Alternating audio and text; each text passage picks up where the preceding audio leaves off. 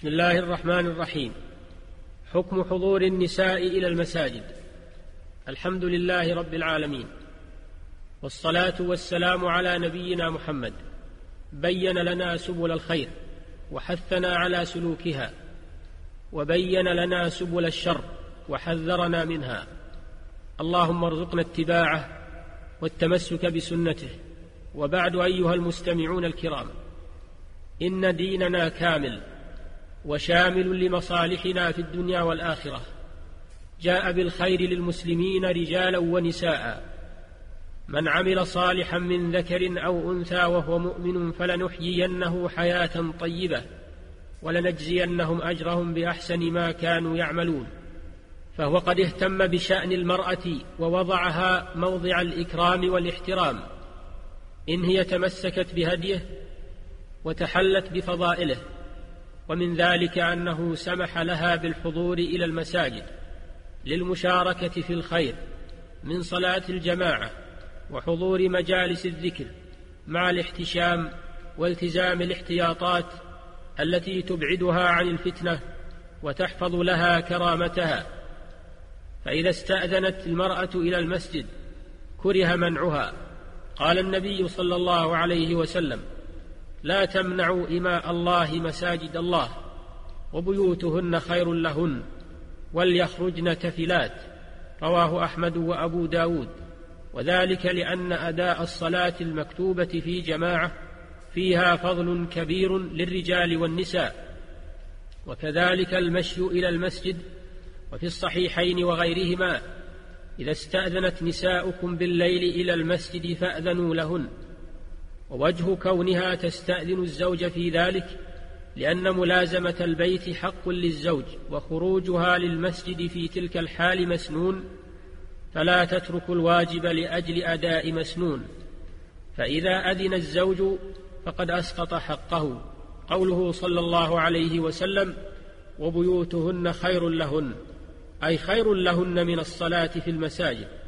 وذلك لأمن الفتنة بملازمتهن البيوت وقوله صلى الله عليه وسلم وليخرجن تفلات أي غير متطيبات وإنما أمرن بذلك لئلا يفتن الرجال بطيبهن ويصرفن أنظارهم إليهن فيحصل بذلك الافتتان بهن ويلحق بالطيب ما كان بمعناه كحسن الملبس وإظهار الحلي فإن تطيبت أو لبست ثياب زينة حرم عليها ذلك ووجب منعها من الخروج.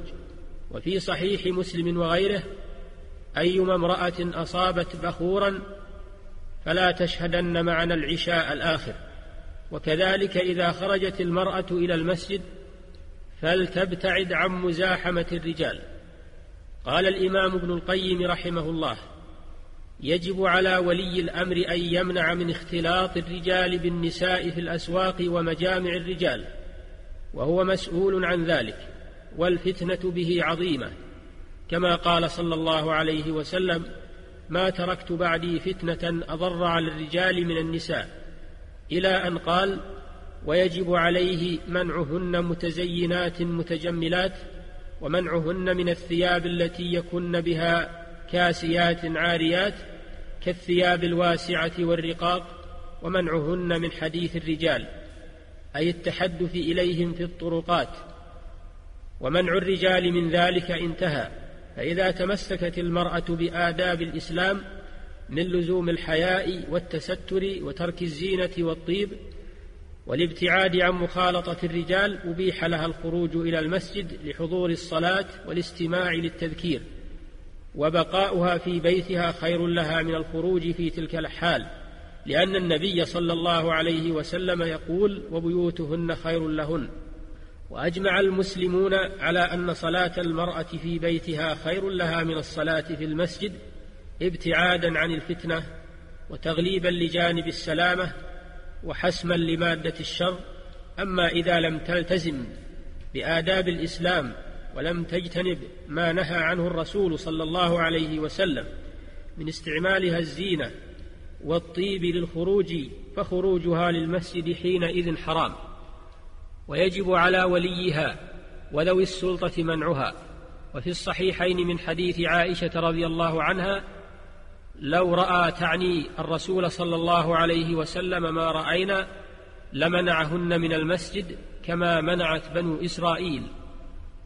فخروج المرأة إلى المساجد تراعى فيه المصلحة واندفاع المفسدة فإذا كان جانب المفسدة أعظم منعت وإذا كان هذا الشأن في خروجها للمسجد فخروجها لغير المسجد من باب أولى أن تراعى فيه الحيطة والابتعاد عن مواطن الفتنة.